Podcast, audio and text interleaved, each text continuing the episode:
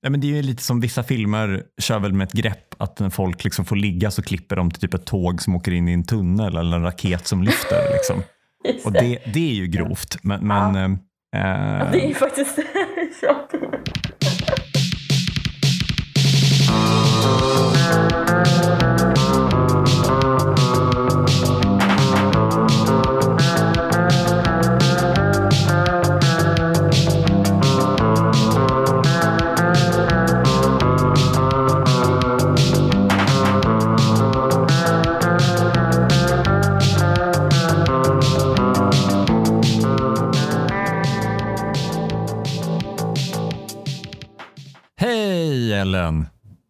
Kim!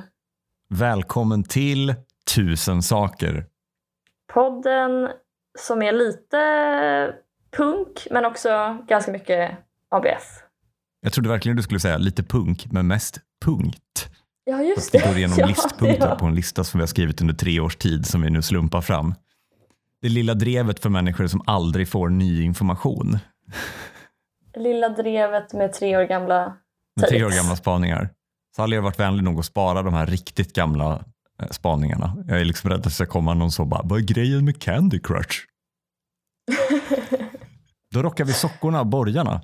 Ja, nu kör vi. Gud, en Prips 5-2. Den skäms inte för sig. Eh, hur är läget Ellen? Det är bra. Eh, Jag håller på med eh, ganska mycket administration. Mm. Jag satt till exempel och deklarerade, jag har ju så här resekostnader på 45 000 per år. Och Mm. så måste det deklareras och det, jag kan nästan inte förmå mig göra det liksom. För att det, Mm. jag får sån, ja men dels börjar jag bokstavligen klösa av hud av, från mitt ansikte liksom. Men sen så tänkte jag att om jag, om jag använder färgpennor då kanske, jag, då kanske jag klarar det. Hur lurar jag min lilla tjejhjärna och tänker att det här är en tjejsak? precis. Ett litet Ja, klistermärke. precis, klistermärken, bokmärken. Du kanske skriver hur dina resekostnader känns istället för reella tal. Nej, precis. Nej, men och, det, och sen så såg min eh, eh, kompis som jag bor med, Alexia, hon såg mig då när jag satt i soffan flodd. Mm. Jag hade flott mig själv långsamt och eh, satt med mina färgpennor. Det var det enda hon behövde veta. Då hällde hon upp vin och satte på musik och tände ljus åt mig och kramade om mig så att jag var jätteduktig. Så vi var två tjejer som eh, hjälptes åt Tjejade till deklarationen. ja. Ehm, Men sen är det så vidrigt också för att jag ska ju nu bli Erasmus-student. jaha, Så det är oj. mycket administration med det. Men det är så pinsamt. Alltså, jag är 27 år. Det är pinsamt att vara. Bara det, bara en sån sak. Men också så är Erasmus-studenter det absolut pinsammaste folkslaget ju. Mm. Nej, men så jag kommer ha halv eh, kaki-shorts, eh, spela kubb, vara på pubquiz, bli för full, så be att få ordet innan föreläsningen bara för att så här, hallå allihop, häng med på pubquiz efter föreläsningen. Men de pratar, gud, de pratar ju exakt sådär fast på engelska, att de liksom går upp lite. ja, Hi everyone, we're from uh, the student union. ja. Would you like to join our pub quiz? precis. Det, men du tänker att du ska bli liksom, du, du så här, hur är en utbytesstudent? Och så har du kollat på svenska utbytesstudenter. Jaha, det kanske det- säger mer om Sverige menar du? Nej, alltså jag menar att det säger mer om, om vad Sverige gör med folk som kommer hit. Alltså de kanske kommer hit från sexiga, sexiga Frankrike. ja. Men så kanske det är lite kallt så de liksom går bara, "Ö, vart köper man jackor? Och så köper de någon sån liten tantig dunjacka och går runt i. Typ. Mm, just det. Kanske blir stela i lederna av att det är kallt och mörkt. Lyssna på metal gör de också. Jag vet inte varför. De bara Nej, gör men det är det. väldigt svenskt med metal ju. Vad ska styra mitt val av land? Vilket land är mest metal? Den mesta interaktionen jag har haft med, eller, så här, med, eller så här, mitt starkaste minne av en utbytesstudent är min kompis som bodde i studentkorridor som berättade att han, han hade liksom en utbytesstudent som bodde i den korridoren som var så glad för att det fanns inbyggt durkslag i svenska kök. Um, min kompis förstod inte vad han menade tills han såg att den här studenten alltså dränerade, eller vad säger man, alltså hällde av Zink. sin pasta i slasken Ja. i, i köket där folk liksom spyr på korridorsfester.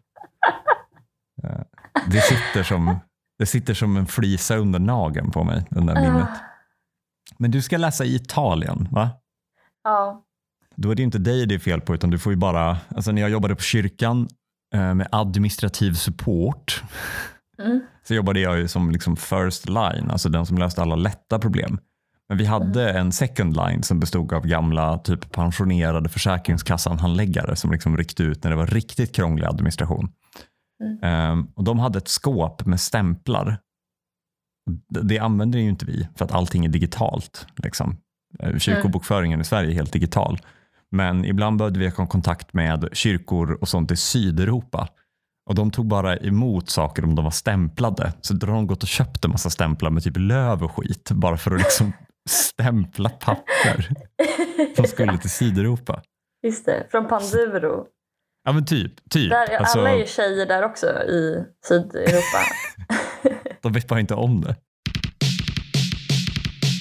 Vad- Hur mår du? Eh, nej men det är bra med mig. Jag ehm, eh, är, jobbar ju i sån här personlig lockdown så jag jobbar ju hemifrån precis hela tiden nu. Ehm, så jag står här i mitt ägg, en, en liksom portabel inspelningsstudio som man fått släpa hem. Den är verkligen en conversation starter. Det här har vi pratat om i tidigare avsnitt men, men den här är ju designed in eh, Halmstad, Sveriges dåligt smakmecka. Så att eh, den är, på insidan så är den ljus, i ljusgrått polyestertyg med silverdetaljer fast i plast. Eh, Mm. Och på utsidan så är den i det otroligt smakfulla vitt skinn. Metal? Eller hur? Med, med en kringlig krokig logotyp som ska se ut som att det är liksom en 50-tals bil poster eller eh, vad säger man, galjonsfigur. Men det är uppenbart att den är i plast. Ja, ja. Så att, Mm. Jag visste inte att man Mm. kunde göra så många estetiska val när det kommer till portabla studios. alltså Halland kan alltid. Det är Göra liksom, ett estetiskt val. De får alltid Kan- bli ett estetiskt val. Säga, om de skulle göra om våra sedlar så bara, skulle de inte kunna vara lite så New England-stil, lite marin tema? Plötsligt så, ett land med visserligen lång kustlinje men där majoriteten av oss bor i ett 60-talshus typ bredvid en stor parkeringsplats. Helt plötsligt går vi runt med pengar med liksom rep på. Kanske något blått, vitt och rött. Ja, kanske blanda det med sån eh, Miami-stil.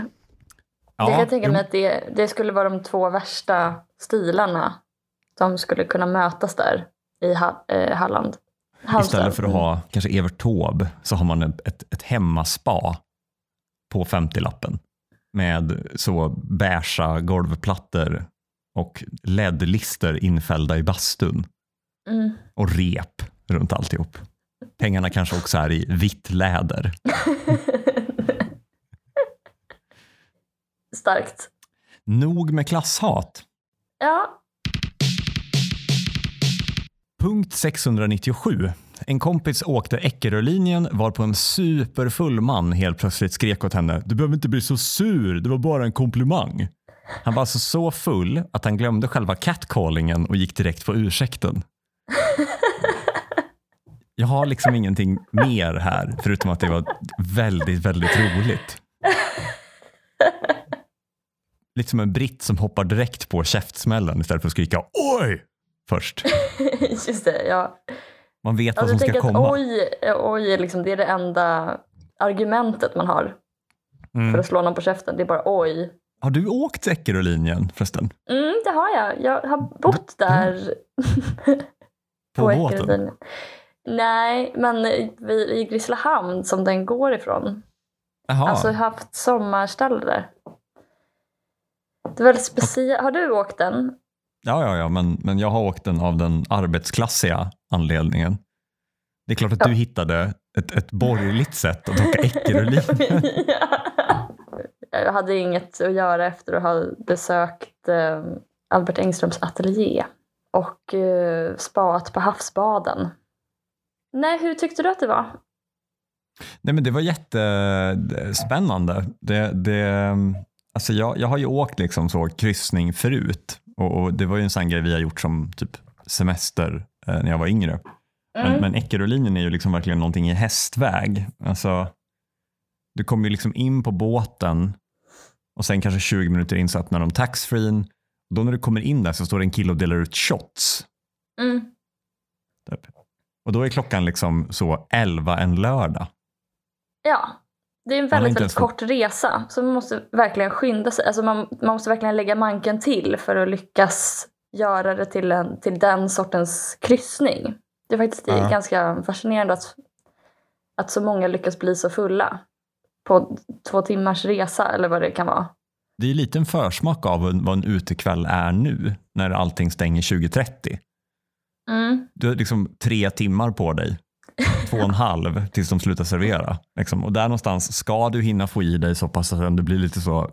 Tänk om vi bara kunde ses oftare. Alltså, du får, ni får komma upp och hälsa på oss i stugan. Det var så jävla mysigt. Alltså, det, det, det är lite en försmak av det som liksom Ja. skedde på Eckerölin. För att, jag, menar, jag åkte med då men var så trött så jag, jag drack liksom inte så mycket. Men jag hängde ju med ett gäng som söp lite helvete. Typ. Mm. Och då var det där, man gick in i den där butiken, man fick gratis shots, eh, längre fram fick man typ prova vin, sen köpte man något flak. Sen gick man och satte sig och typ åt en räkmacka och en stor stark. Sen spelade man bort 250 spänn på, på eh, enarmad bandit, köpte en cigarr i cigarrloungen, drack en whisky och sen typ var man framme. Alltså, Ja. Ja, men han, för han, det, det måste ju vara det högsta stadiet av fylla att eh, gå direkt på ursäkten och glömma bort eh, catcallingen. Så då har Ja, men- han också genomgått alla de här andra faserna får man tänka med. Tänk om vi kunde ses lite oftare och tafsa lite på någon, somna, vakna till, kanske skalla någon. Men det är effektiviserat. Alltså det, det påminner om när jag var tillbaka i Säffle första gången efter jag liksom hade flyttat. När jag liksom var tillbaka med gott mod. Att jag inte var så, jag hatar min hemstad. Utan typ, gud vad härligt att vara hemma, åh vad mysigt. Typ. Man kanske har någon bild framför sig av att nu kommer alla stå vid tågstationen och bara, vår förlorade son. Typ. Men så kommer jag liksom fram till Säffle, kliver av tåget. Mina föräldrar har glömt att det ska komma. Så att jag liksom kliver av, står där själv. Och då åker det förbi en så böttad amerikanare som skräpar, i- liksom verkligen skrapar i backen. Och det här är typ lördag eftermiddag. Mm. Och då bara liksom vräker det ur sig en kille ur bakrutan. Där bara hänger ut liksom och bara Fetta! typ. Det är ju liksom att ta det hela ännu ett steg längre. Alltså jag tänker catcallingen, om man utgår från att det ändå är någon form av liksom raggande. Ja. Ehm, den här personen har bara gått direkt på liksom man vill, vad man vill ha och så försöker man beställa det. Man bara Mm. vräker sig ur bilen och liksom fetta! Som om folk ska sitta på en parkbänk och bara jaha, oh, oh, Ja, då var det då dags. var det dags. jag? Du ropade. Men om man fortsätter att analysera den här mannen, kan man tänka Mm. sig att det finns en förväntan och liksom ett, ett socialt manus för hur den typen av, alltså han är så, vem är jag? Jag, jag? jag är en fullgubbe som skriker åt tjejer och så Mm. bråkar vi lite. Det är mitt jobb. Liksom. Mm. Men så var han så full att han glömde bort början av sitt manus. Liksom. Att han gick direkt på liksom, och du är min pappa. Alltså att han hopp, hoppade över förklaringen till eh, drama, Ja. dramascenen som skulle utspela sig. ja, just det. Att, eh, Precis. Vad uppstår mer för situationer i hans liv när han går direkt på slutscenen? han går fram till kassan på, på ICA och innan de ens har börjat skanna hans varor så bara, "Äh, du kan kasta kvittot. ja, ja. Tutar innan han har gjort något dumt i trafiken. Innan det ens har blivit trafikstockning, innan någon ens har varit lite seg. Innan folk ens har börjat igen så säger han det är en dag imorgon också. Alltså, tror du det ligger någonting i det att det är förväntad del? Alltså att, att fyllgubbarna vill ha själva bråket. Det, verkar nästan som det, ja. För det är ju inte så att han tänker, alltså, för de tänker väl inte snygg tjej. Om jag säger schyssta pattar, då kommer hon säga tack. Vad trevligt, vad jobbar du med då? Fast jag tänker att det är mycket, alltså, att det är just enkelriktat och att därför spelar det kanske inte så stor roll vad han säger. Mm. För att det är bara, det handlar bara om honom. För det är inte att man så vill gå i dialog med någon och ge dem en komplimang. Utan det är bara att man vill få ur sig så här, jag ser pattar. Då kan man lika gärna säga, du behöver inte bli så sur. Alltså att de, de är, eller du menar att de bara är, alltså att de bara är ute efter att konstatera saker? Ja, Vad precis. skådar mitt norra öga om inte ett par otroliga meloner? Ja, de är bara väldigt engagerade observatörer. Ja, det är antingen det eller en, en glitch in the matrix. Punkt 113. Är det inte grovt att man frågade pojkbarn om de varit på tjejkalas när de hade gylfen öppna? Man bara Oj, har du knullat så mycket att du glömt stänga byxorna? Lite samma med eh, Bert och Sune. Vad skulle Sune göra när han hade tjejtjusat tjejerna? Doggy style. Ja, men Ellen, vill du lägga ut texten kring ännu en punkt om barnknull, alltså? Går hem i stugorna. Antiintellektuell feelbad. Jag refererade ju till Matrix innan. Det är det som ger liksom den air av intellektuell. Ja, ja. Är allt på riktigt eller bara en simulation? Vad alltså, på riktigt, vad menar man med det? Har du varit på tjejkalas? Är det ett kalas för bara tjejer? Och hur har, alltså, vad tänkte man som barn? Det där har ju folk sagt till mig, det vet jag ju, men jag vet inte om jag tänkte liksom, varför vill tjejer öppna min gylf? Jag tänkte ju inte, just det, jag har ju varit på orgi med massa andra åttaåringar. Därför har jag glömt att stänga gylfen. Alltså, jag vet inte heller om det är så... Um, å ena sidan så har alltså, barn kanske inte tillräckligt mycket av en sexualitet för att förstå. Och eh, å andra sidan kanske de har tillräckligt mycket av en sexualitet för att förstå gylf, tjejtjusa. Eller är tjejtjusad bara ett, ett skojfriskt gammel-Sverige-sätt att säga liksom rapey vibe? Det är liksom Bert sen som vuxen som eh, åker Eckerölinjen och bara du behöver inte bli så sur. Jag vill ju bara tjejtjusa dig. Jag ville bara tjejtjusa dig. Alltså rent berättartekniskt, eh, i, i Sune så är ju poängen att han ska få kyssa Sofie va? Alltså han vill tjusa tjejerna och då, där, där förstår man ju att han vill liksom pussa dem. Men Mm. Bert är ju ganska explicit att det handlar om att han liksom vill ligga. Men vi vet ju att han inte kommer få ligga för att vi tittar Mm. på ett barnprogram. Det är Mm. lite som att titta på Handmaid's Tale och fundera på om um, Offred kommer att dö. Liksom. Det var ju det som gjorde Game of Thrones så bra för att kasta in mer intellektuell stämning här. Eh, att, att när som helst så kunde de rycka en karaktär ifrån dig. Men med Bert så visste vi ju, det blir inget. Det är torka i Bertland. De kommer liksom inte klippa till svart och börja spela musik och man ser när han liksom dyker ner med någon under täcket. Utan det kommer alltid, alltid bli avbrutet av någon förälder eller någon tjej som inte är intresserad. Eller, alltså, för jag kan mer känna så här i efterhand när jag tänker tillbaka på Bert en frustration över att hela, det finns ingen spänning i plotten. Han kommer ju inte få ligga. Okej, du tänker att det måste faktiskt stå någonting på spel för att det ska vara intressant. Man ska inte veta vad som kommer hända. Man pratar ju om, alltså man pratar ju om olika liksom berättartekniska eh, grepp och det absolut mest klassiska eh, som används friskt och som manusförfattare ofta kommer undan med det är att man ger en karaktär en hjärtsjukdom så att de Mm. när som helst kan få en hjärtinfarkt. Mm. Och det kan du använda för att sen skapa en jaktscen som kanske inte kommer kännas så engagerande för dig som tittare för att en jakt är inte på liv och död. Men genom att du ger din tuffa polis ett hjärtfel så kan ju polisen dö när som helst när det blir en jaktscen. Då får du en nerv. Just det. Liksom. Det är ju att, är det Chekhov kanske som, eh, alltså det här att hänga upp geväret. Man berättar inte en sån sak utan att det kommer leda till någonting senare i berättelsen. Om, man, om karaktären hänger upp geväret så måste geväret sedan användas. Och här har vi då Tjechovs penis. Men den används inte. Nej, fast det är väl... Jag vet inte om jag kan tillräckligt mycket om berättarteknik för att uttala mig, men... I denna svåra, svåra fråga. Välkommen till Bok och bibliotekmässan. Det är Ellen Theander versus, versus Anders och Sören. Alltså, för det är ju en premiss. Mm.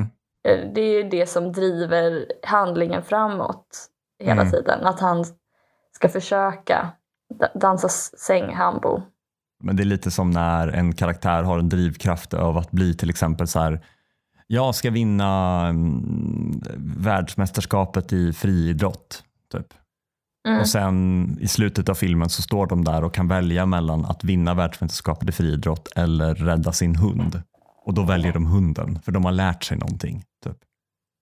Du menar att det är mer Mm. så att, att eh, viljan att eh, skapa frisk bris på vattensängen. Viljan att putsa motion to the ocean eh, är liksom bara en drivkraft, det är inte målet. Precis, jag tror att han är en farkost för att berätta någonting annat. Det är inte liksom Independence Day. Ska vi rädda världen från utomjordingar eller inte? Utan utomjordingar i det här fallet då, eh, som är då Berts förmåga att hissa flagg. Mm. Claima Nordpolen. De- de- Den, är bara, den finns bara där för att, för att Anders och Sören ska kunna skriva om andra saker som man tänker på när man växer upp. Mm.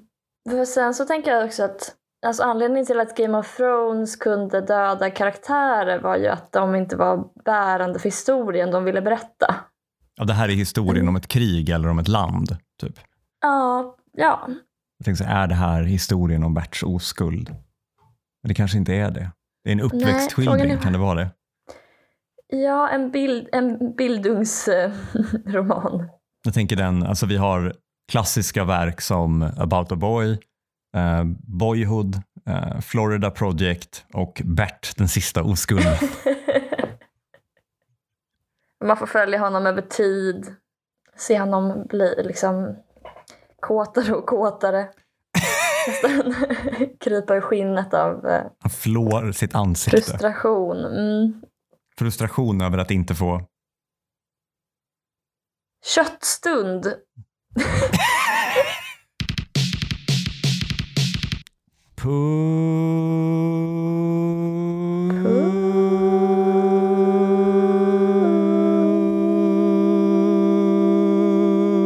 Punkt 239. Killar gör saker svårt för att vara de bästa som är dåliga på det.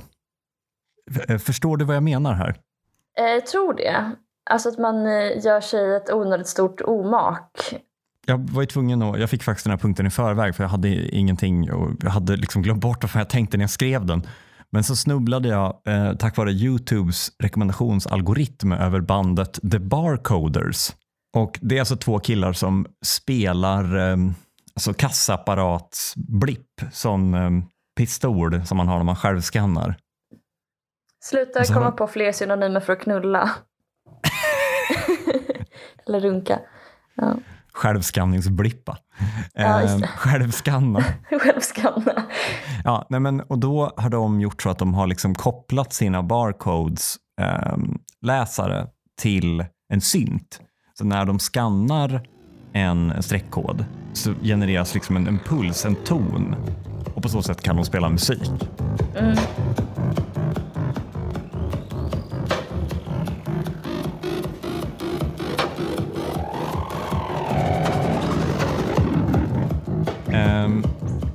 Coolt. Det finns också något som kallas för Instrument Orchestra. Eh, som är en kille som tar olika köksapparater. Eh, Instrument Orchestra, Appliance Orchestra. Menar jag givetvis. Mm. De heter inte Instrument Orchestra, alltså en orkester, utan ja, Appliance Orchestra. Eh, där han tar olika saker som typ brödrostar, kvittoskrivare, eh, elektriska tandborstar och liksom kopplar dem på någon vänster så att han kan få dem att generera toner genom att vibrera eller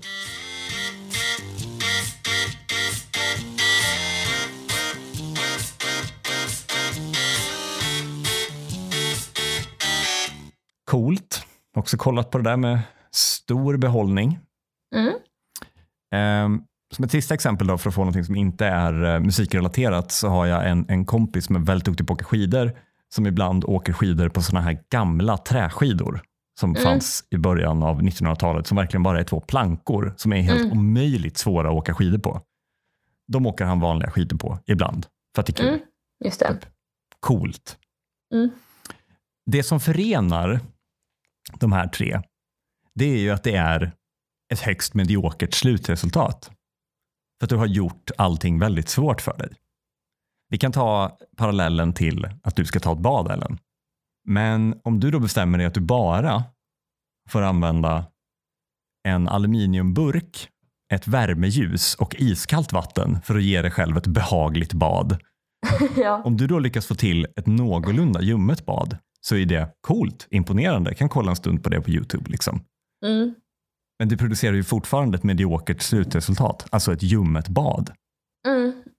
Så jag funderar lite på om man kan dra en parallell här till att vi har, eh, inte för att citera liberala tänkare, men för att citera liberala tänkare ändå, att vi har nått liksom eh, idéernas, ideologiernas, utvecklingens död. Allting som kan uppfinnas är redan uppfinnet.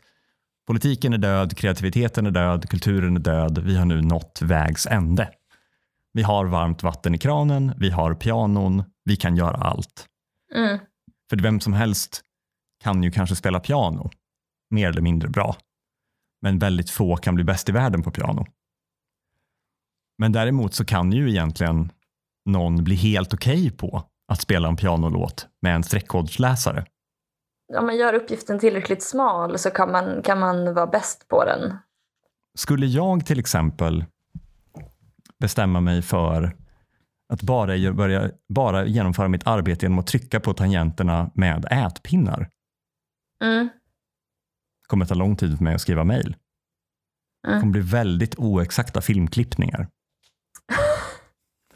Det kommer bli svårt att använda touchskärm. Verkligen. Men det kommer gå. Jag kanske bygger någon apparat som simulerar ett finger längst ut på mina ätpinnar. Mm.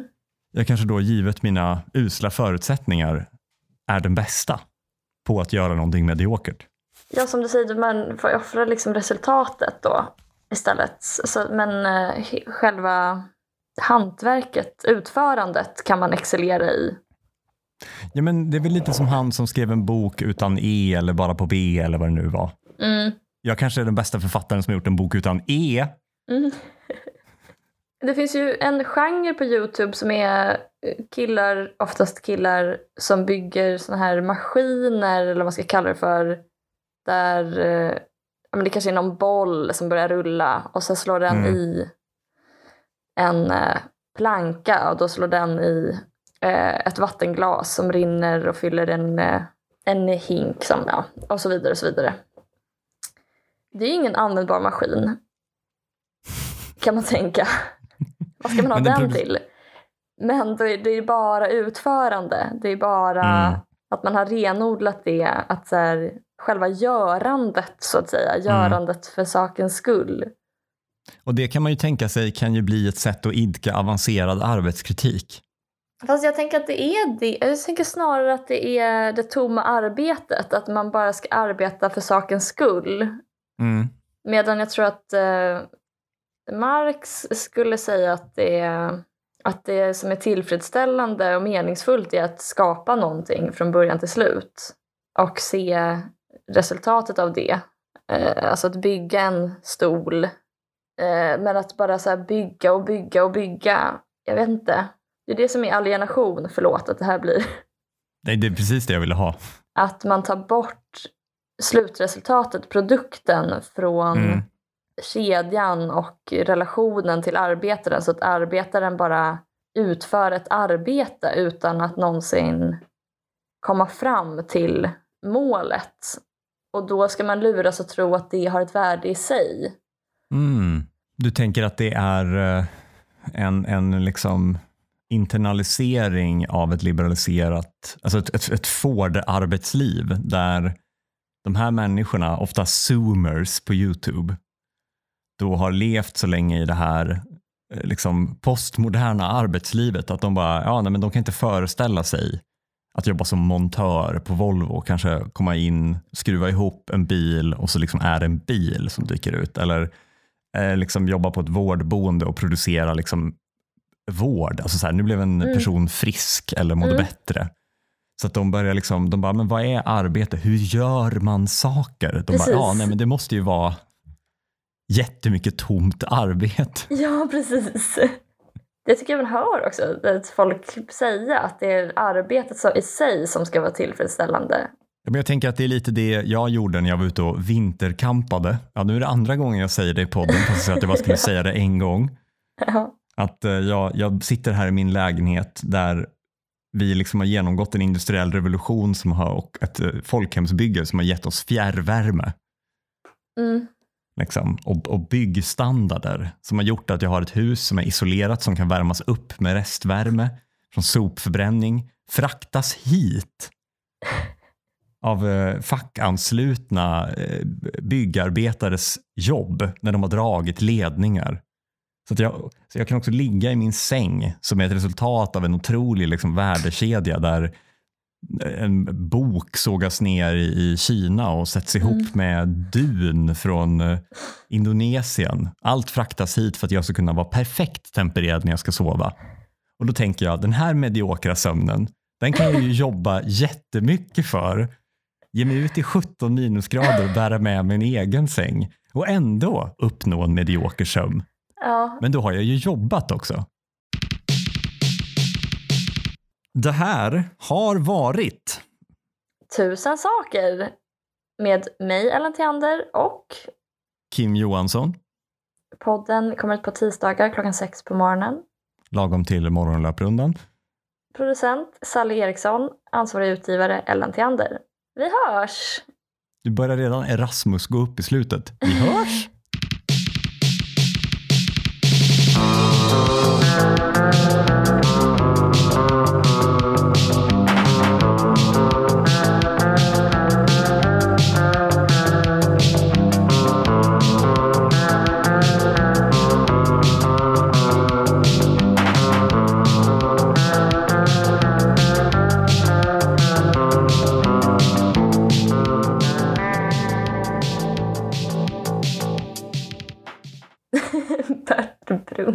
till slut i sista delen. Han har liksom tappat det fullständigt. När man kan välja mellan att liksom få, få bli av med oskulden och verkligen ligga med någon eller att brunka. Och då, väl, då har han växt som person. Han väljer att brunka.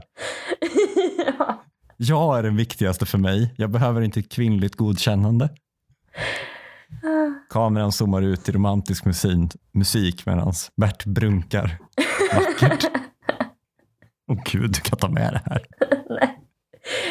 Nej.